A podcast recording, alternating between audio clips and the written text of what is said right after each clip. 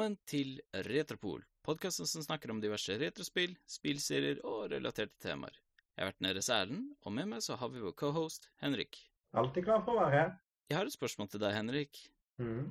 Hva ville du klassifisert som et perfekt videospill? Eller perfekt med hermetegn, da, for å være litt mer spesifikk.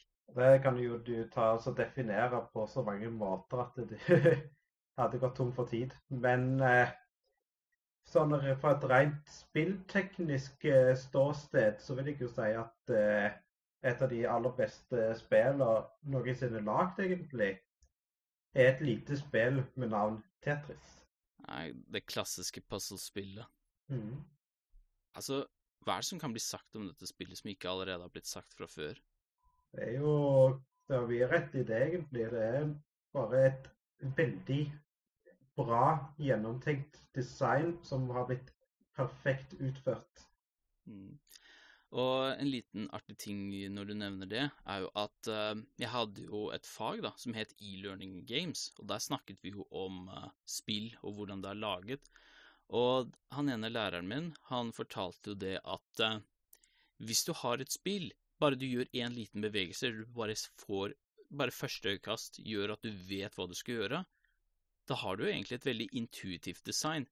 Som for eksempel, når vi snakket om ah, finnes det noe perfekt spill, så gjorde han den gesten med når du liksom skal begynne å spille stein, saks, papir. Og det at eh, folk rundt eh, han, da, og jeg, alle vi bare med øyeblikkelig skjønte å ja, du har lyst til å spille stein, saks, papir, da burde jo det si noe om hvor bra den leken eller det spillet er. For hvis alle vet, sånn med instinkt, hvordan de skal spille spillet, da har du gjort noe riktig. Mm. Og det er jo sånn Tetris fungerer òg. For Tetris fungerer med at du har syv forskjellige varianter som har navnet Tetraminos. Dette er jo da en eh, serie med fire blokker som må henge sammen på en eller annen måte. Og med den så har du to L-former. En L, en bakvendt L, en S og en bakvendt S. En trekant, en firkant og en rett linje. Med de syv brikkene der, så vil du starte med at disse blokkene faller ned. Og du må da plassere dem inne i et eh, grid, som da på en måte faller ned til bånn. Når du da har dekt en hel rad med tetravinos, så vil raden forsvinne, og du vil få poeng. Hvis du da får mer tetravinos forsvunnet på én og samme tid, så får du enda mer poeng. Jo mer tetravinos-rader du klarer å fjerne, jo raskere vil spillet etter hvert gå. Og hvis du da tar og ikke klarer å kvitte deg med alle blokkene og bygger deg opp til du når toppen, så har du tapt spillet. Mm. Navnet Tetris kommer faktisk fra det greske ordet etetra, som betyr eh, objekter bestående av fire. Så det du fortalte om tetromino, gir jo egentlig mening. Mm. Og Tetris har jo egentlig en ganske interessant historie, og hvis du ønsker en video som forklarer det ganske godt, så anbefaler vi å se Gaming Historian sin video om Tetris. Men i korte trekk så var jo spillet lagd av en ved navn Aleksej Pachinov i løpet av Sovjetunionen, men fordi det var et kommunistisk regime, så kunne han ikke få penger før sånn etter 2000-tallet. Og i løpet av 80-tallet så var det jo så å si en krig om hvem som skulle få rettighetene til uh, spillet Tetris. Og Nintendo var jo de som til slutt greide å få snappet opp rettighetene. Og selv om ikke de oppfant Tetris, så var det jo de som praktisk talt uh, gjorde at Tetris ble så verdenskjent når de lanserte det på Gameboy-konsollen. Mm. Og det var jo et fantastisk trekk av Nintendo. For klart, det var jo interesse for Super Mario-land. Men skulle de nå en mye større spillerbase, så trengte de et universelt forståelig spill som alle kunne plukke opp, og alle kunne spille fra første øyekast. Og til den rollen der, så var det ingen spill bedre enn Tetris til å fullføre den rollen der. Mm. Og opp gjennom årene så har jo Tetris bare utviklet seg mer og mer fra å være ganske så enkel med at du bare får blokker, og så må du plassere dem, så har jo fremtidige versjoner lagt til f.eks. at du kan se hvilke blokker som vil komme, at du kan ta vare på blokker, spille mot en annen og velge forskjellig musikk, til, eventuelt til og med bruke power-ups hvis du greier å få mer og mer komboer og mer poeng.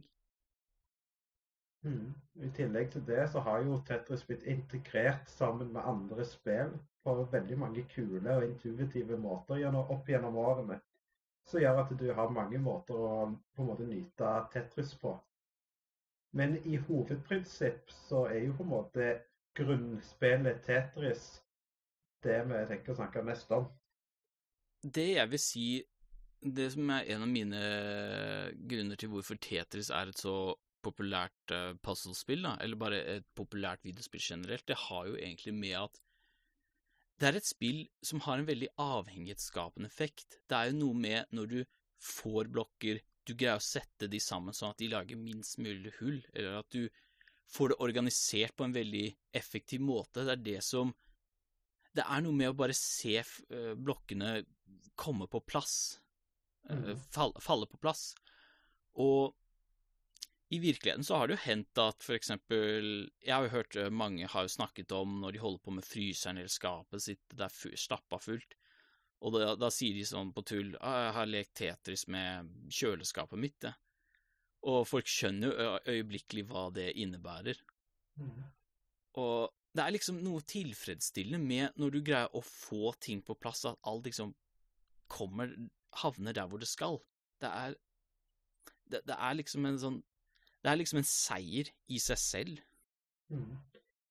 Men det som òg på en måte er veldig fordelen til Tetris, er jo det at det er veldig enkelt å lære, men vanskelig å mestre.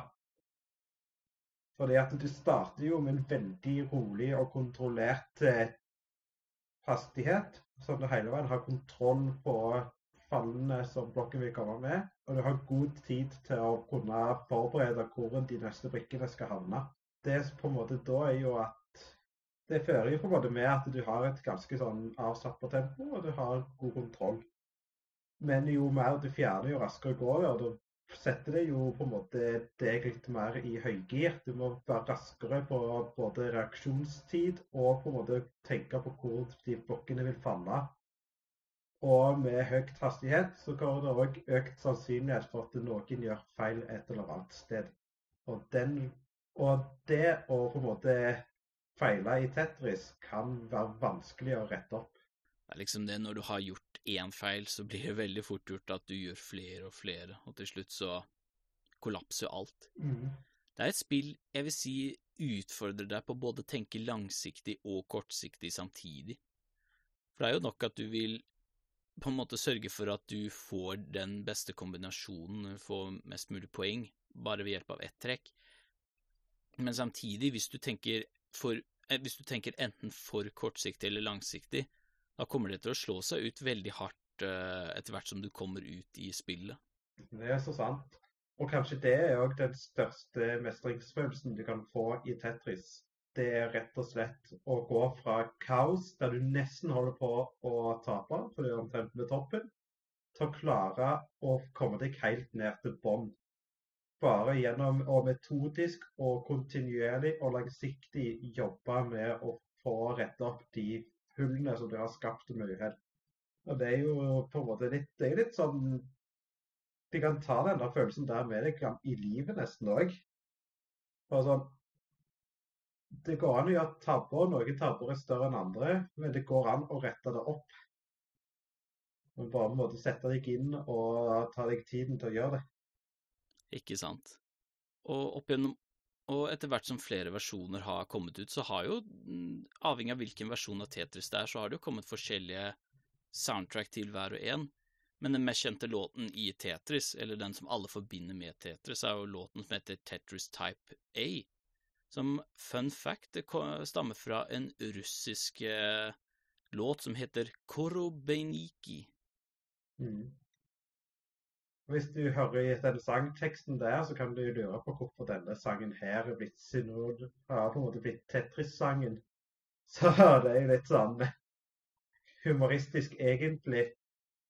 Men eh, det er iallfall det som ble valgt, og det er det som eh, alle husker den for. Mm. Den låten har jo til og med blitt parodiert. Ja, ja, mange ganger. Og det finnes mange versjoner av Tetris. For å ta det kort, da, hvilke versjoner Et par versjoner jeg er veldig glad i. eh, Det er jo Wii-versjonen, som heter Tetris Party Deluxe, hvor eh, ikke bare kan du spille opp til fire spillere, men du kan få power-ups i det spillet som gjør at eh, du kan virkelig klusse det til for dine motspillere. For eksempel så er det en power-up som gjør at hvis i, til å begynne med blokkene faller sakte, og så aktiverer du den, og så vil blokkene falle mye fortere enn det de andre hadde planlagt. Det fører til at eh, de må jo så å si tilpasse seg med en gang de ser at hastigheten øker til maks. Mm. Og jeg vil jo si at er kanskje min favoritt er ennå Gameboy-versjonen. Og klart det at det finnes jo veldig mange det finnes jo veldig mange moderne varianter av Tetris som på en måte har gjort det lettere å spille og på en måte har mye bedre flyt enn bare det det har på Gameboy. Men på en måte det som er igjen med akkurat Gameboy-versjonen, som jeg føler, er det at less is more. Det er at du har kun Tetris. Det er ikke noe mer, det er ikke noe mindre. Det er akkurat alle de funksjonene du trenger, og det blir ikke gitt noe mer. Det er kun litt deg og spillet sånn som det er. Jeg må si meg egentlig ganske enig med at uh, den Gameboy-versjonen av Tetris er egentlig ganske fin. Den er liksom Hvis du vil ha en veldig enkel versjon av Tetris, så er det Gameboy-versjonen man bør gå for. Det er sant. Men uh, den versjonen jeg er veldig glad i, det er den som kommer på Super Nintendo sammen med Dr. Mario. Så det Eller rettere sagt, da combopacken Tetris og Dr. Mario. Jeg tror en av grunnene til hvorfor jeg liker den så godt, det er jo fordi kontrollen føler jeg er ganske tight, men så er det Soundfonten i spillet får det til å høres ut som du spiller det i et slags uh, laboratorium, og så er det noe med fargen og grafikken i spillet som gjør at uh, det er veldig appellerende å spille akkurat den versjonen, synes jeg. Jeg er enig i det. Og pluss du får jo også Dr. Mario i tillegg, da. Og that might have something to do with it. Hmm. Det er fine ting, det. Men igjen, det er ikke uten grunn at jeg fremdeles kaller Tetris kongen av puzzle games. Eller tsaren, for å være litt uh... For å være litt humoristisk, ja. Men uh, det er bare det at uh, fra start til slutt så hele konseptet perfekt utformet. Og det baserer seg jo på de prinsippene vi har snakket om, med det at du har et intuitivt design som er lett å forstå, lett å lære seg, men som på en måte da blir gradvis utfordrende. Og mer og mer eh, som vi at det kreves større og bedre ferdigheter for faktisk eh, klare deg utover spillet jo lenger du kommer ut. Det er spill som veldig, sånn som du sier, det er spill som er rett og slett bare pick up and play, men hvis du vil bli veldig flink i det, da er det et spill som krever timevis med øvelse. Men igjen, de timene vil være verdt det. Mm. Og det er jo litt sånn eh, Hvis jeg tar fram eh, en DS eller en Gameboy og tilfeldigvis har Tetris, så er jo bare sånn setter meg ned og spiller litt det. For det er, det er jo det som det er, at det er så lett å bare bli absorbert i spillet. Så du bare holder på til du har tapt, og så plutselig så blir det en runde til, og så spiller du det en stund, så plutselig så blir det en runde til, og så Å ja, det går så lang tid. Ja, plutselig ser du på klokka, så er den sånn fire om uh, morgenen. Mm. Tusen hjertelig takk for at dere hørte på dagens episode. Nå er det egentlig bare å sette i gang og gå og spille Tetris. Yes, jeg får gjøre det. Yes. Ha det bra! Ha det bra.